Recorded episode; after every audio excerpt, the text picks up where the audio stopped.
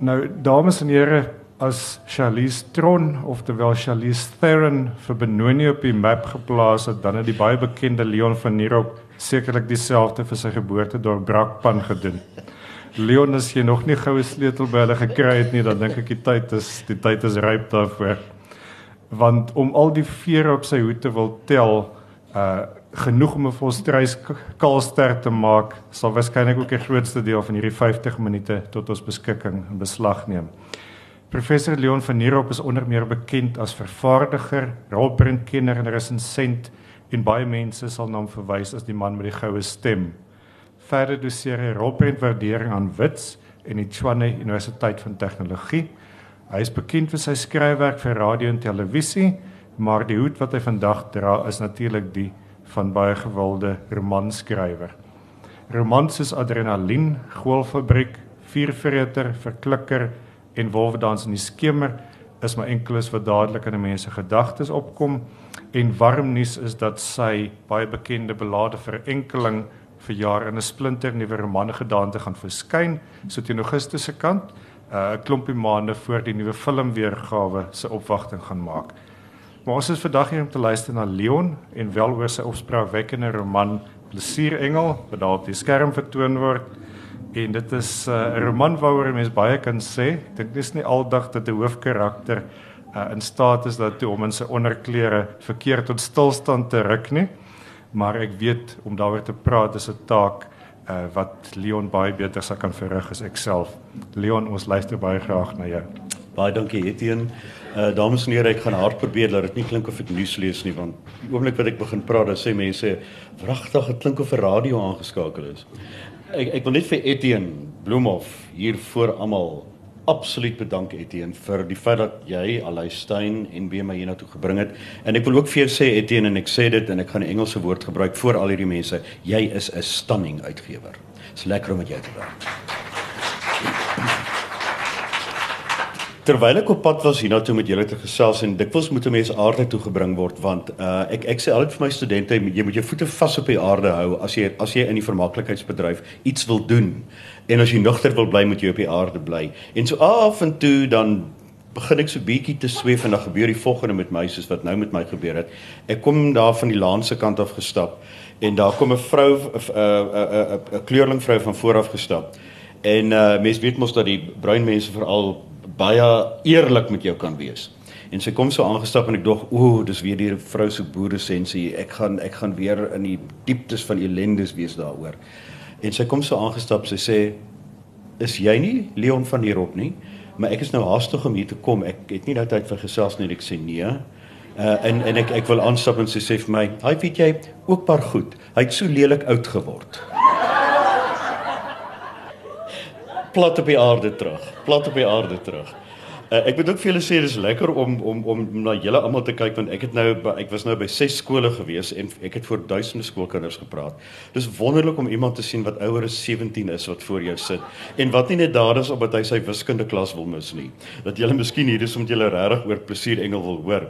Nou Etienne ken die stories wat ek nou gaan vertel baie goed, maar ek dink ek moet uh, aan julle vertel miskien waar plesier engel vandaan kom want die storie agter die storie soos met Wolwenaars in die skemer is soms byna ehm um, interessanter as die storie self. En wat gebeur het met Plesier Engel is baie jare gelede hier in 94 95 na die eerste verkiesings was daar sprake dat prostitusie gewettig gaan word. En 'n ander uitgewer het vir my toe gevra uh, laat kom en gesê jy skryf altyd rillers en jy skryf sepies aanhoudend. Wil jy nie bietjie iets anders vir ons skryf nie? En ek sê maar wat kan ek nog skryf wat ek nog nie gedoen het nie en hulle sê man sê jy vir ons ons weet nie. Uh en ek sit en ek hoor die minister praat oor prostitusie wat moontlik gewettig gaan word en ek dink prostitusie niemand het nog ooit daaroor geskryf nie. Uh en ek dog ek sê vir haar man ja miskien dink ek prostitusie en sy sê ja maar wat dit gaan ons wil nie pornografie hê nie. Toe sê ek nie maar die wil ek ook nie skryf nie. Uh ek wil ek wil 'n goeie storie vertel. Toe sê sy man nou gee net vir my een woord. Wat is die storie? Daar was nie 'n storie nie.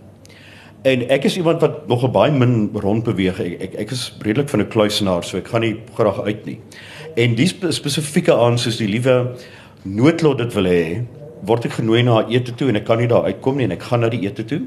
En hier sit 'n klomp mense en oorkant my sit 'n baie aantreklike jong man van omtrent 28 en 'n bekende vrou wie se naam ek nie kan noem nie. En ons sit daar en ons gesels en ek en die ou begin gesels, maar hy's Engels. En hy sê vir my, "What do you do?" En ek sê, "I'm a writer." En hy sê, "Oh, okay, you must write my story." And I say from yes, do you know, dear sir, how many people asked me that question? Uh, I, I, I've got enough stories. I, I, I don't think I want to write your story. Uh, onvriendelik. Uh, maar hy aan om my te charmeer, vreeslike charmante man. En die en die vrou oorkant ook ingesels. En uiteindelik begin ek besef want dit is moeilik om deur al hierdie mure te kom wat ek om my bou. En uiteindelik begin ons lekker te gesels. En ek dink maar dis nog 'n aangename ou hierdie en, en en hy gesels en hy het soveel kennis. En hy sê vir my na ruk gaan gaan ek kom bys toe om uh, nog wyn te gaan haal want die gasvrou het nie vir my genoeg gegee nie. En ek gaan soontoe en ek skink in en hier's die ou ook En hy sê vir my ons gesels nog en ek dink my ek hou vreeslik van die man. En uh, hy vra vir my what is it you think that I do?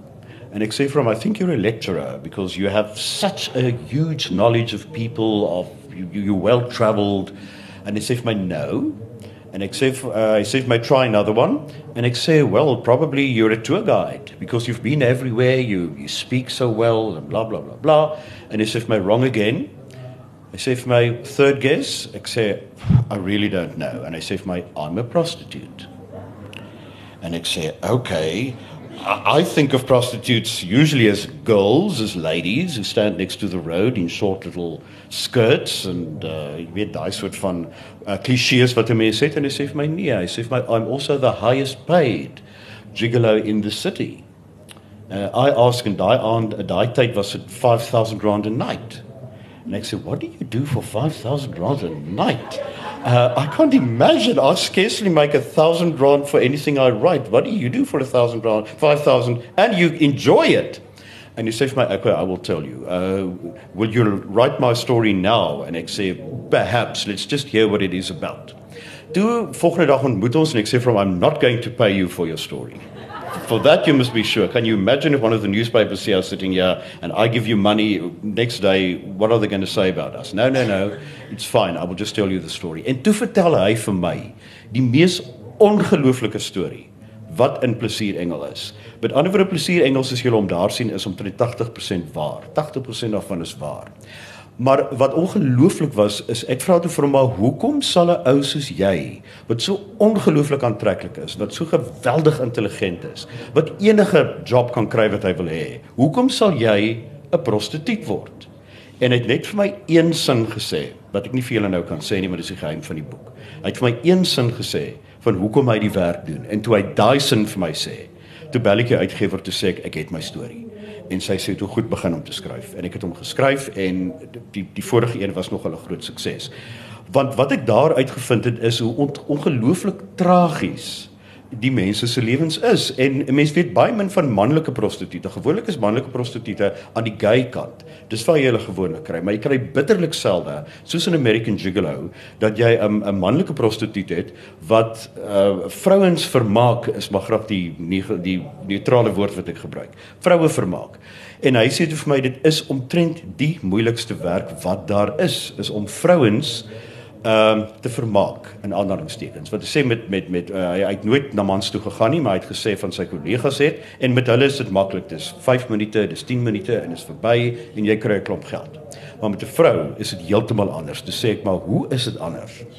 En toe begin hy vir my verduidelik en dit was 'n hele wetenskap waarna ek sit en luister het, asof ek na 'n lektor by universiteit sit en luister wat oor sielkunde praat. En ek kom toe agter maar eintlik is die ou 'n soort van 'n sielkundige. Hy's 'n sielkundige van die lyf.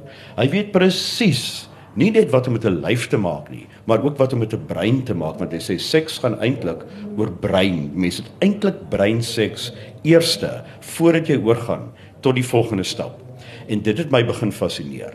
En toe het hy vir my van sy van sy kliënte wat ek nooit mag gesien het nie, maar ek kon hulle bel. Uh en met hulle praat oor die foon wat hulle wou nooit uh, baie van hulle was baie bekend. Hulle wou nooit gehad het dat uh ek moet weet wie hulle is nie. En hulle het vir my begin vertel op my onkoste op my foonrekening lank het vir my vertel hoekom hy so goed was. En ek sê toe vir hulle maar uh julle is almal verskriklike magtige vroue in die in die bedryf in die politiek destyds uh in die gemeenskap baie mense weet uh ek het van die stemme herken weet wie dit is. Hoekom doen jy dit? Jy kan eintlik enigiemand kry wat jy wil. En dan sê baie van die vroue vir my maar ons huwelike want want want ons huwelike was onvervul. Of ons kry nie iemand wat ons verstaan nie of mans word bedreig deur ons. Die oomblik wat mans ons sien is hulle bedreig. Hulle wil nie uh, betrokke raak by ons nie. Hulle sien ons ons is in beheer van 'n bankgroep of ons is in beheer van 'n politieke wat wat ook al en uh, hulle hulle wil nie uh, betrokke raak by ons nie want hulle sien ons werklik as 'n bedreiging. Dis sê ek maar wat doen kom ons noem Tristan soos dit in die boek is. Wat maak Tristan anders? Hy het natuurlik 'n ander naam gehad.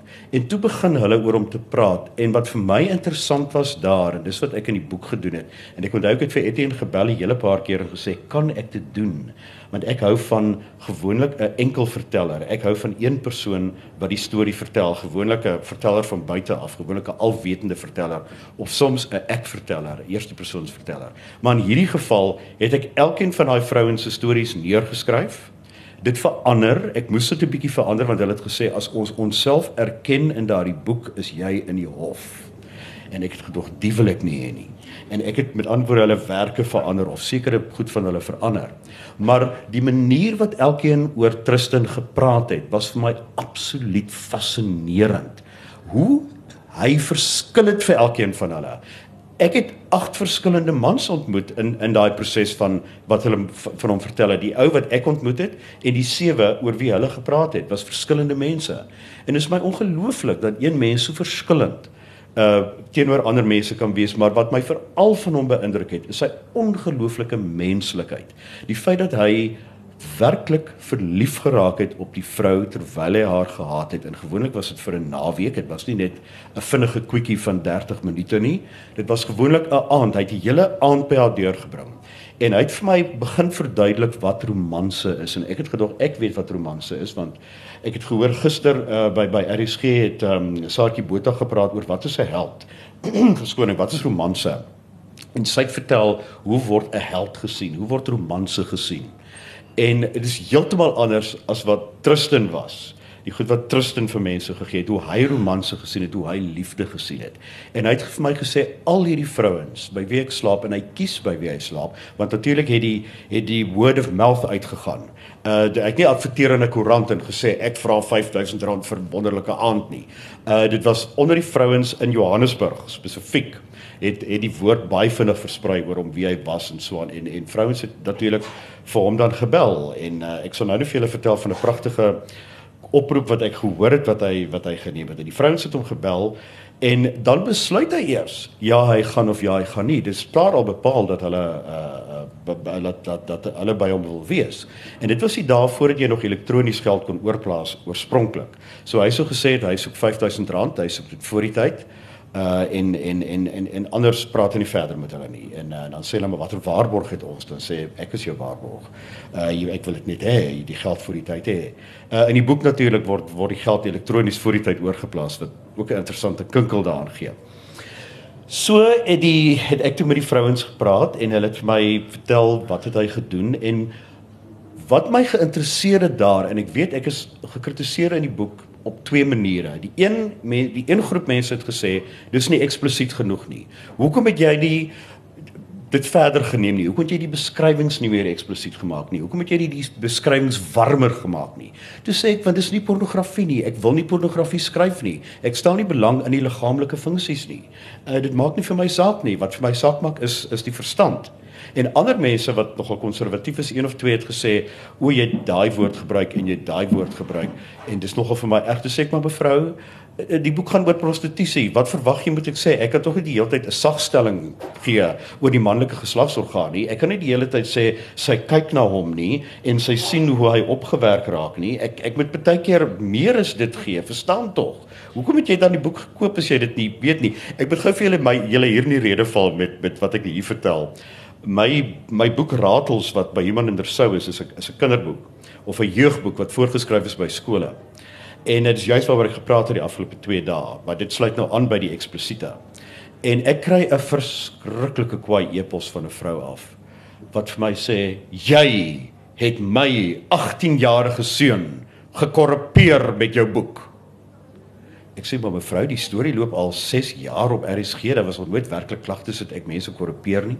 Die die die Frisk baie van die boeke daar verkoop. Wat hoe het ek die seun gekorrupeer? Sy het gesê.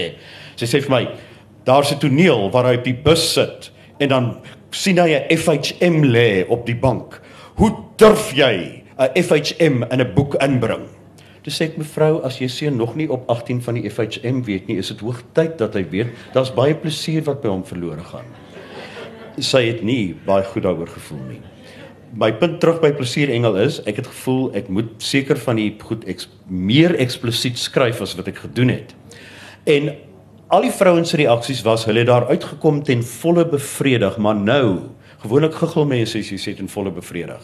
Ten volle bevredig het ook beteken emosioneel bevredig. Uh want met baie van die vrouens het hy nie seks gehad nie. Dis wat vir my ont, ontsettend interessant was. Hy het byvoorbeeld 'n professor aan die universiteit, 'n vroulike professor aan die universiteit, het hy gereeld vergesel na premières toe. Uh en ek het hom een keer saam met die vrou wel by 'n premier gesien en toe besef maar jok nie en toe sien ek die vrou en toe sien die vrou my en toe loop sy vinnig weg want toe weet sy ek weet van van van hulle twee. En en uh die vrou het hom gehuur en dan in die aand het hulle letterlik 'n hele aand deur net sit en gesels. En sy het gesê dit is so lekker. Kom ons sê nou maar sy was uh dit is nie wat sy was nie. Kom ons sê sy was 'n boekresensent. Uh sy sê dit is so lekker om met iemand te gesels wat nie bang is vir wat jy gaan sê nie en wat nie geïntimideer is deur jou nie en wat net met jou gesels as 'n vrou. Hy hy gesels net met jou as 'n vrou. Dit was vir hom vir haar 'n ongelooflike ervaring geweest. So baie van die vrouens het fisies nie met hom seks gehad nie en dit het my absoluut uh aangegryp. Ek was gefassineer is die woord wat ek soek. Ek was betower daardeur want ek het gedog, magtig, maar hier het ons nou 'n held, maar is eintlik 'n anti-held. Maar 'n held so Saartjie Botha hom nie gister kon beskryf nie. Dis heeltemal 'n ander soort van 'n held as wat sy oor gepraat het. Sy het oor die konvensionele CP-held miskien gepraat, soos mense Oscar Pistorius gesien het. Maar maar maar maar Tristan Hamilton uh, of Hansen soos ek hom nou ja Hamilton is hy nou in die boek hy was tevore aan 'n van gehad toe kom ek agter daar is 'n Tristan Hansen by the way toe moes ek hom weer verander na 'n ander naam toe of Tristan Hamilton nou is ek self te mekaar met my met met, met die van uh, en en en toe sy vir my vertel hoe lekker hulle sit en gesels het was ek absoluut gefassineer daarmee maar het sy gesê Hy was onwrikbaar R5000 en dis dit. Elke keer R5000. Sy was baie uh, ryk. So sy het dit uit haar agtersak gehaal baie van die vrouens by wie hy was, het daai R5000 uit hulle agtersakke gehaal en hulle het dit nie gevoel nie. En toe eendag, toe sit ek by hom en ek is besig om om om aantekeninge te neem, maar dit was net toe selfone begin het op die mark gekom het. En sy selfoon lui. En die gesprek gaan so. Hallo, dis Tristan met so 'n sexy stem. En uh ek hoor iemand praat aan die ander kant, maar nou hoor ek want die vrou praat hard aan die ander kant. Nou hoor ek want hy hou toe vir my dat ek ook kan hoor. En sy sê, "Hallo, hallo, is is is is dit tr tr Tristan?" En hy sê, "Ja, ja, dit is ek." En sy sê, "Hallo, uh, uh kom ons sê nou maar dis Mina hier van Newlands." En hy sê, "Hallo Mina, uh wat kan ek vir jou doen?" En sy sê, "Maar ek is eintlik bietjie bietjie bang om jou met jou te praat want die vrouens praat almal van jou en ehm um, uh, hulle hulle het sulke wonderlike goed wat hulle van jou sê, maar ehm um, ek weet ook hoe jy lyk. O, jy lyk vreeslik mooi. Ehm um, uh o, jy het 'n mooi lyf. Ek het ek het jou gesien iewers daar, maar uh, ek wil vreeslik graag ehm um, hy sê vra jy wil by my wees. Ja, ja, ja, ja, ja. Uh, sy sê maar ek het nie R5000 nie. Ek my man het my verskriklik verinneweer, het my verskriklik geslaan, het my vreeslik mishandel, het my twee keer verkrag en sy raak aan die huil en sy sê en hy's weg en ons is geskei en hier sit ek nou alleen in my huis en eh, ek wil so graag by jou wees. En sy sê en hy sê vir haar, "Hoeveel geld het jy, uh, Mina?" En sy sê R113.70 Tristan. En hy sê vir haar, "Goed. Uh hoe laat vanaand?" En sy sê, "Jy bedoel jy sal?" Sy sê, "Ja, maar jy moet vir my die R113.70 voor die tyd gee." En sy sê, "Nee, nee, goed, goed, ek sal." En hy sit die foon neer vir die adres en so aan en hy sit die foon neer en ek sê vir hom, "Dit was vir my ongelooflik wat jy daar gedoen het." En hy het vir my gesê, "Maar dis my werk. Soos jou werk is om op die radio te praat of oor films te skryf, is dit my werk om verlore siele, mense wat mishandel is, mense wat alleen is, mense wat eensaam is, om hulle te comfort, ek moet nou Engels gepraat, to, to comfort them, to to show them that a man can actually be nice and sweet and gentle and sensitive to them. En ek het die hele aand wat wat hy nou uitgegaan het sit en wag by die huis, dink ek net probeer ek nou dink wat gebeur alles en ek tog voel tog dalk as hy haar sien en sy's onversorg of so, dan besluit hy nee maar hy wil nou nie. Volgende oggend 10uur lui my foon, hy sê do you want to know what happened? Ek sê of course I want to know what happened. Uh en ek gaan toe en ek gaan sien hom en hy sê vir my dit was verskriklik. Toe sy die deur oopmaak en hy lig sy hand om sy hand uit te steek, toe koes sy. Want sy is gewoond as 'n man sy hand lig, dan slaan hy haar. Uh en haar een oor was doof geslaan. Sy moes die hele tyd so met hom praat dat hy hierdie oor kan hoor, want die oor was doof geslaan.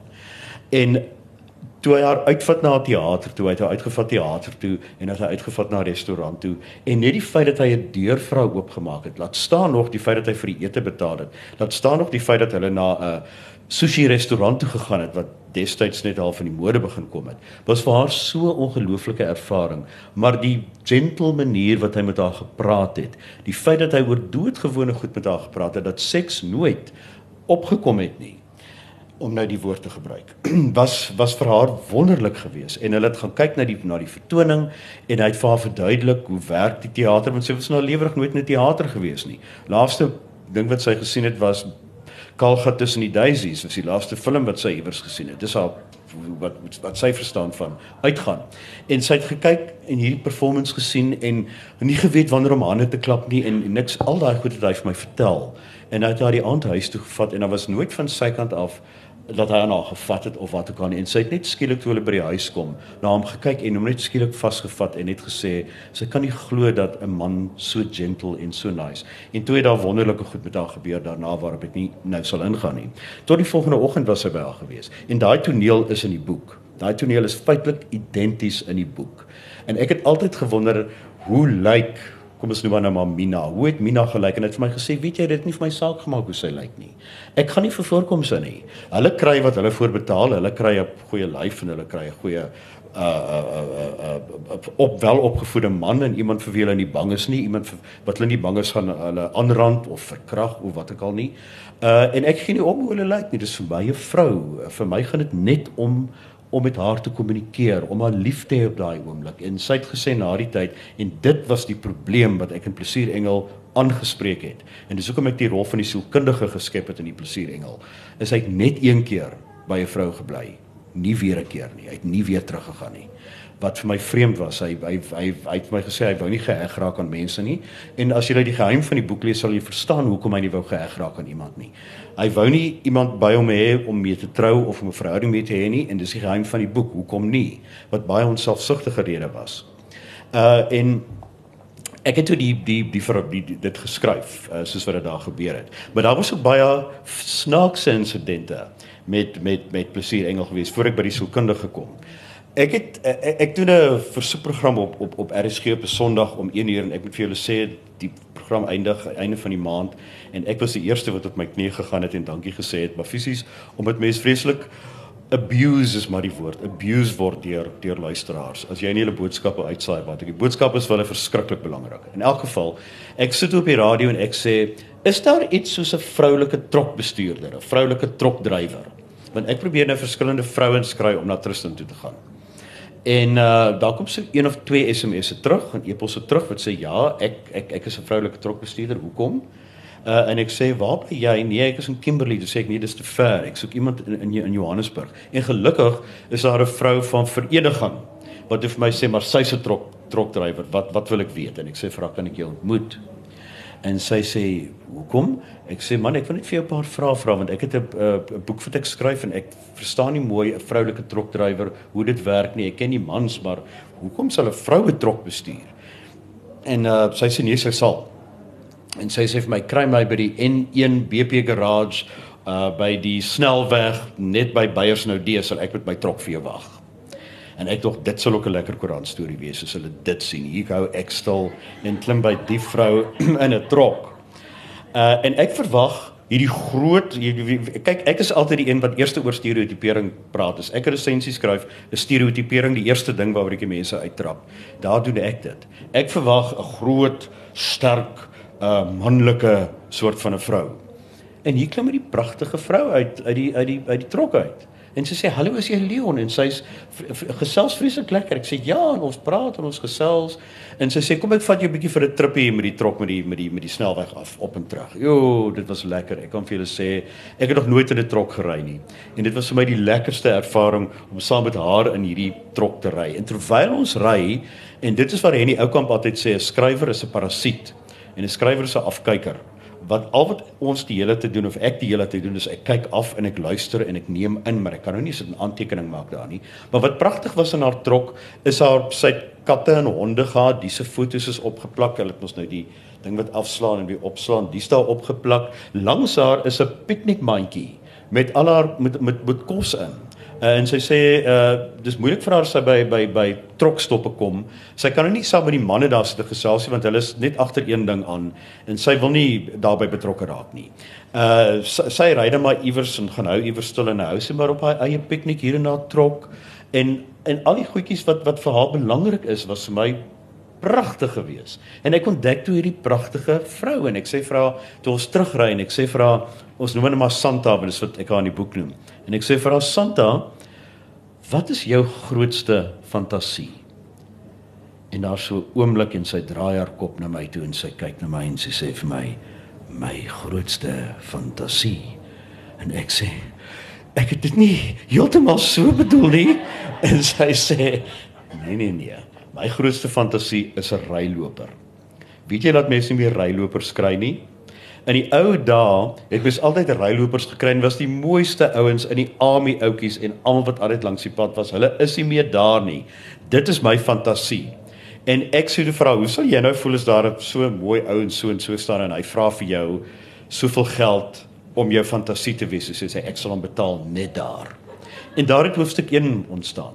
Hoofstuk 1 het net daar ontstaan en ek en en en en sy het my weer afgelaai en sy sê vir my, "Maar hoekom het jy al hierdie vrae vir my gevra as ek jy se later in 'n boek sien? Hoekom ek al die vrae gevra het?" En toe het sy plesier engel gekry.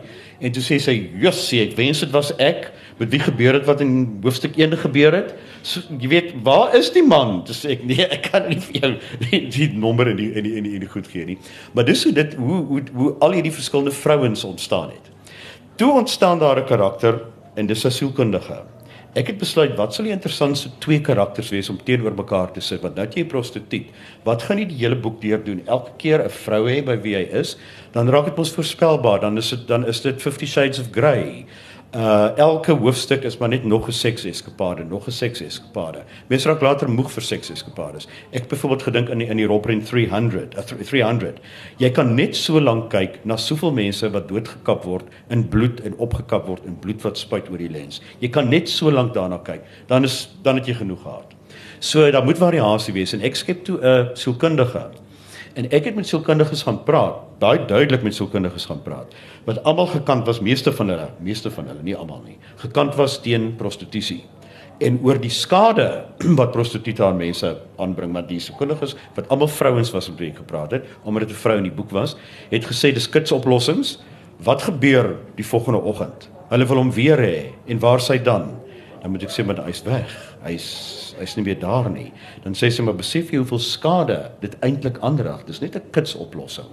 Uh mens kan nie daarvan leef nie. Uh ek neem maande lank om by 'n probleem uit te kom en ek help mense op so en so en so 'n manier. Hy doen dit in een aand en Tristan het altyd vir my gesê een aand en al haar al haar probleme is weg. Al haar probleme is weg. Dis sê ek ek ek dink nie dis so maklik nie. Ek dink nie net 'n uh, 'n lekker oomblik sal vir jou sal al jou probleme wegneem nie. En toe skep ek die sielkundige en ek probeer iemand kry om die sielkundige op te baseer. Uh want gewoonlik is my karakters feitelik almal op iemand gebaseer. En ek het vroeër jare het ek 'n geweldige sielkundige probleme ervaar wat vir my interessant was wat ek nie kon verstaan nie. Ek kyk baie keer na myself van buite af. Ek vind myself vreeslik interessant oor al my fobies en probleme en skaamheid en so aan. En uh, my probleem was ek kon nie in 'n huisbak klim nie. Ek was verskriklik bang vir 'n huisbak. As uh, iets hoër as 5 verdiepings was en ek in 'n huisbak moes klim, het ek letterlik in doodsangs in daai huisbak gestaan en gedink as daai huisbak gaan staan sou ek 'n hartaanval kry. Uh en toe gaan ek na die sielkundige toe en ek sê man ek het hierdie ek het hierdie probleem dis 'n hipnoterapeut gewees. Ek kan nie in huisbakke klim nie. En uh die die vrou het my so ruk met my gepraat, baie lank het my gepraat. Ons kon nie by die probleem uitkom nie, want ek is nie iemand wat maklik praat of my maklik oopstel nie. En sy het gesê ons moet jou onder hipnose sit. Ons sal moet jou onder hipnose sit om by hierdie probleem uit te kom en ek sê ek laat nie iemand in my kop inkom as ek nie beheer dit nie. En sy sê wil jy gehelp word of wil jy nie gehelp word nie? En ek sê maar natuurlik wil ek gehelp word, so kom ek hier is. En ek sit in sy plaas my onder hipnose en daar kom iets uit my kinderdae uit wat niks met my ouers te doen het nie. Iets uit my kinderdae uit wat verduidelik hoekom ek so bang was vir huisbakke. En die oomblik en ek het dit gevoel in myself toe ek daai oomblik onthou, dis dit verby. Dis daai vrees net verby. Ek het onthou wat gebeur het en ek het besef maar dis verby. Jy kan nie langer verder uh wat gebeur het is um, um, um in die huis waar ek groot geword het, was daar kombuiskaste wat oop en toegeskuif het. En ek het altyd met my ma se voete met my treintjies gespeel. Altyd met die treintjies gespeel. En toe sê my ma net staan en vir my boetie kom net bietjie onder ma se voete uit. Ek is besig om vir baie mense kos te maak. Jy's al hier onder my voete. En ek het die kombuiskas oopgeskuif en ingeklim met my treintjie en hom toegeskuif. Maar was nie 'n handvatsel aan die binnekant nie en daar gespeel en ek het van kleins af van rillers gehou en gedink ooh is oh, so lekker gevaarlik hier en toe ek wil uitkom toe kan ek nie oopmaak nie en my ma het toe uitgeloop en sy was in die tuin en daai 2 of 3 minute daar vas het 'n klaustrofobie wakker gemaak wat ek nie geweet het ek het nie en wat tot in my 40ste jaar by my was. Uh en en toe die vrou toe ek uitkom uit die uh, hipnose uit en ons begin gesels toe sê ek vra weet jy ek sal jou nogal graag wil gebruik as 'n karakter in 'n storie. En sy sê nee maar uh, jy kan as jy kan as jy wil maar uh, doen dit net positief asseblief want sielkundiges word altyd gestereotipeer en word altyd uh, gewys as gefrustreerde mense wat eintlik self sielkundige hulp nodig het. Do, beloof my net jy sal haar uh, uh, as 'n gebalanseerde mens skep En ek het gesê natuurlik sal ek dit doen. En soos wat ek Erika geskep het in in Plesierengel, het ek baie van die goed met haar bespreek en vir haar gesê, "Hoe sou jy reageer as 'n man vir jou dit en dit sê?" Hoe sou jy reageer en elke keer het sy teruggekom na die vrouens toe by wie hy was, nie na hom toe nie, want sy het gesê hy het klaar besluit wie hy is, wat hy wil wees. Sy het elke keer teruggegaan na die vrouens toe en gesê, "Besef jy dat hy ook emosionele skade aan hulle doen?" En ek het toe een of twee van hulle gekontak en gesê het hy emosionele skade aan julle gedoen. En in albei gevalle het hulle vir my gesê nee, hulle het my hy het my gehelp om myself te ontdek. Hy het my gehelp om te verstaan wat my probleem is. Hy party van hulle het werklik probleme met die fisiese daad van seks gehad. Dit was vir hulle 'n 'n groot probleem om tot die seksdaad oor te gaan. En hy het vir hulle gehelp om oor daai ding te kom soos ek in die huisbak het hy hulle op 'n baie lekkerder manier as vir my gehelp om oor daai grens te tree. En en en dit was vir my verskriklik interessant geweest. Uh en en toe ek dit ingewerk en besef maar wat sal gebeur as die sielkundige op hom verlief raak? Dis nog 'n interessante scenario daai. En ek vra vir die sielkundige sal jy op 'n ou soos die verlief raak en sy sê vir my hoe lyk hy en ek haal toe sy foto uit en sê o absoluut absoluut sal ek op hom verlief raak maar ek sal my weer onttrek daarna aan hom. Te sê nee dit is nie so maklik as as as wat jy as wat jy dink nie. En daar het ek heerlik met die sielkundige gesels toe ek 'n prostituut gehad en die sielkundige die twee bymekaar gesit 'n storie geskryf daaroor en dit het plesier engel geword. En uh, ek, ek kan nie vir julle sê hoe lekker ek daaraan geskryf het nie. Ek het vreeslik lekker daaraan geskryf, maar wat ook gebeur het is ek het verskriklik ontsteld geraak oor wat ek geskryf het. Want wat met my gebeur is ek leef verskriklik in karakters in die karakters in. As ek klaar is met 'n boek, is dit asof ek 'n verhouding beëindig het. Dis asof ek deur 'n egskeiding gaan. As die as die roman klaar is en Etienne sê vir my daarvan gehou, dis gewoonlik die beste want as Etienne sê het nie daarvan gehou nie, dan sulk ek vir 'n week en uh, ek drink nie, maar dan sal ek begin drink uh en en en en en uh, dis baie vreeslik om om van 'n roman afskeid te neem. In en Plesier Engel is die roman wat my die langste vasgehou het. Dit in verklikker, maar Plesier Engel spesifiek want 'n joernalis vra te vir my in 'n stadium 'n baie intelligente en 'n slim vraag. En gewoonlik vra wat ek self 'n onderhoudvoerder, mense vra mos maar so 'n sekere vrae, jy jy's net so vir vrae wat jy kan vra.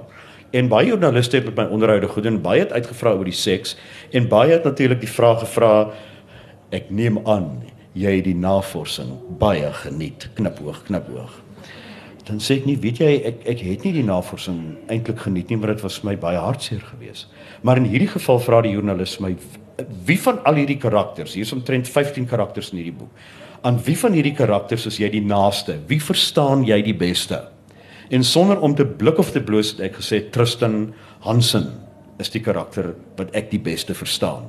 En toe begin ek eers besef hoe baie van myself en my eie filosofie oor liefde, oor romanse, oor seks ek in in in hom gesit het. En daar in en die groot kritiek wat ek in die boek kry is daar gebeur iets dieper in die boek in en ek onthou Etienne self het my gebel nadat hy dit gelees het. En uh Etienne was ook half geskok oor wat ek gedoen het, maar Etienne het ook gesê jy kon nie iets anders gedoen het as wat jy daar gedoen het nie.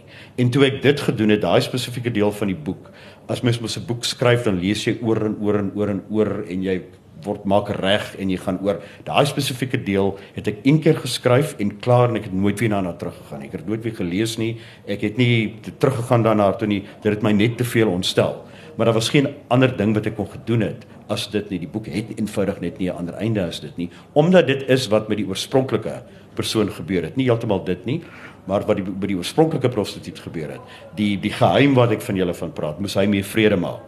En uh, in die boek help ek hom om vrede te maak daarmee. En dis nog 'n baie tragiese uiteinde wat wat wat uiteindelik daar gebeur. Laastens ek wil julle so 10 minute kans gee om vrae te vra as julle wil. Laastens gaan Plesierengel is ook eintlik 'n verhouding met 'n stad. Want Plesierengel gaan oor Johannesburg. Uh baie min boeke is werklik oor Johannesburg nog geskryf. En iewers vra die sielkundige vir Tristan, hoekom hou jy so van Johannesburg? En daai stuk wat daar uitkom, is ek wat praat eintlik ook het klaar geskryf het, besef ek dis ek wat dit gesê het. Hy het gesê Johannesburg is 'n hoerstad. Om hier te bly moet jy betaal. Jy moet ryk wees, jy moet betaal, jy moet alles opoffer wat jy kan en dan gee hy vir jou die goud terug. En Tristan, uh die oorspronklike Tristan het vir my gesê, hierdie stad, ek voel soos 'n engel oor hierdie stad. Uh dis hoekom die voorblad lyk soos hy lyk dit lyk of 'n man is wat sy wat vlerke uitsprei, uitsprei. Maar dit wys ook ek het hierdie stad lief, ek beheer hierdie stad, ek regeer oor hierdie stad, ek regeer oor die vroue in hierdie stad. Hy sê vir my besef jy hoe wonderlik is dit as 'n mens by 'n vrou uitstap en daai vrou is volkome bevredig op op verskeie maniere en jy het 'n fantastiese ervaring gehad. Jy voel soos 'n engel wat vir haar 'n diens bewys het. En daarom voel ek ek is verlief op die stad want die stad en my werk is my dieselfde ding. Dis 'n delwerstad, dis 'n goue stad, dis 'n hoerstad, net soos ek. Daarom hou ek so van die stad. So die die roman is gaan eintlik oor die verhouding van 'n man met 'n stad, met Johannesburg. Nou dit is naaste by wat ek oor oor plesier engel te sê het. En as mens eers 'n skrywer oor sy eie boek aan die woord staan, dan praat hy vir 3, 4 ure lank. So ek gaan nou hier ophou. Uh en en by julle hoor of julle 'n sekere vraag wat julle wil vra. Dit kan gaan oor plesier engel. Dit kan ook gaan oor iets anders, oor ander boeke miskien. Uh my gunsteling rolprent want dis die vraag wat ek altyd kry is 2001 A Space Odyssey en American Beauty. Daardie twee is my gunsteling films. So ek antwoord net daai vraag eers. so is daar iets wat jy wil vra? Is daar iemand wat dalk die boek gelees het? wat dalk vir my iets wil vra of uh Ek moet nie bang wees om te vra nie want daar's nooit iets soos 'n dom uh daar's nie iets soos 'n dom vraag nie, net 'n dom antwoord wat ek gewoonlik gee. Ja, mevrou. Ek het die ek het die boek baie geniet, Leon. Die Maar net die einde weggee nie, hoor. Nee nee nee, ek sal nie. Die die die voorblad, die persoon daarop, is dit die werklike Tristan of is dit 'n nee. model? Nee, is 'n model. Want hy was seker ook so mooi.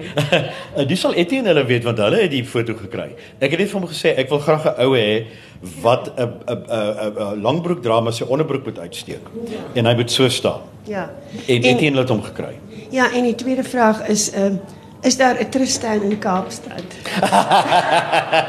nee, nie wat ek van weet nie. Nie wat ek van weet nie. As daar was so ek vir jou of Stellenbosch, as daar was so ek vir julle nommer gegee het. en sy naam is heeltemal iets anders. Ek wil net sê ek het 50 Shades of Grey ehm um, gelees voordat jou boek gelees het en ek dink nie ek sou 50 Shades of Grey gelees het as ek eers jou boek gelees het nie. omdat ehm um, jou beroep jou boek omdat die emosionele verhouding wat hy met mense het is soveel meer werd as die die seks in 50 Shades of Ja, Grey. o, dankie dat jy dit sê. Hoor, want ek het so dit spesifiek so probeer. 100% reg gekry. En ehm um, 50 Shades of Grey sal ek nie weer lees nie. Ek het gedog kan seks so vervelig wees? Dis dis onnatuurlik. Ek Ja, kan nie dink dit kan. Maar Plesier Engel het ek gelees binne 2 dae en ek Sjoe. gaan hom weer lees want nou dit ek het nie besef is alles ware verhale nie Ja. en Grootliks, hoor, grootliks. dag- Behalwe nou 80%. Santa, grootliks ja. waar. En die einde het my geskok. En well done. Regtig Ja, waar. Ek is ek wonder wat sou gebeur het as jou boek voor 50 Shades of Grey het. Of as hy in Engels vertaal word. ja, ja. Nog iemand wat ietsie wil vra? Ja. Leon, ek ehm um, nou ook nie die einde weggee nie, maar wat het van Tristan geword? Dat jy nog kontak met hom? Waar is hy? Ehm um, Etienne, dink ek ek dink jy kan sê wat van Tristan geword het? Dink jy dis iets wat ek moet verswyg? Dis 50-50. Uh kom ons sê maar net die werklike Tristan het 'n baie tragiese uiteinde gehad. Dis maar dink ek so ver as wat ek wil gaan daarmee. Uh so ek kan nie meer met hom kontak maak nie. Uh ek onthou net toe die oorspronklike plesierengel uitgekom het, hy het glad nie Afrikaans verstaan nie. Moes ek stukke vertaal vir, vir hom want hy sit nou met die boek en hy sê die grootste frustrasie frustrasie is, hy weet nie hoe ek hom uitgebeeld het nie. Hy kan nie verstaan wat hier staan nie. Sê ek maar my magtig. Jy bly al 28 jaar in hierdie land. Hoe is dit dat jy nie kan Afrikaans praat nie? Dis sê nie ek ek kan 'n bietjie Afrikaans praat, maar ek kan nie verstaan nie wat jy hier gesê het nie. En uh uh, uh toe het ek vir hom party van die goed verduidelik. En toe sê hy vir my, "Oh yes, uh that's That's what I thought. I thought I think you did me justice. I think you did the ladies justice. Hy het vir my gesê, solank jy die vroue nie verneder nie, solank jy die vroue as werklike sterk vroue uitbeeld en nie iemand wat pleit vir seks nie, maar dat sy betaal om 'n ander rede as net seks. Uh, is ek tevrede. En toe sê ek vir hom nee, ek het. Toe vra hy hoe eindig die boek? Toe sê ek vir hom hoe die boek eindig en die groot ironie ironie is net voor ek die boek oorgeskryf het, uh het ek gehoor wat met Tristan gebeur het. En dit is hoe die boek dan ook eindig, gedeeg soort van wat met hom gebeur het. So die waarheid, so die einde van die boek is eintlik waar. nog vra, jy het nog 4 minute.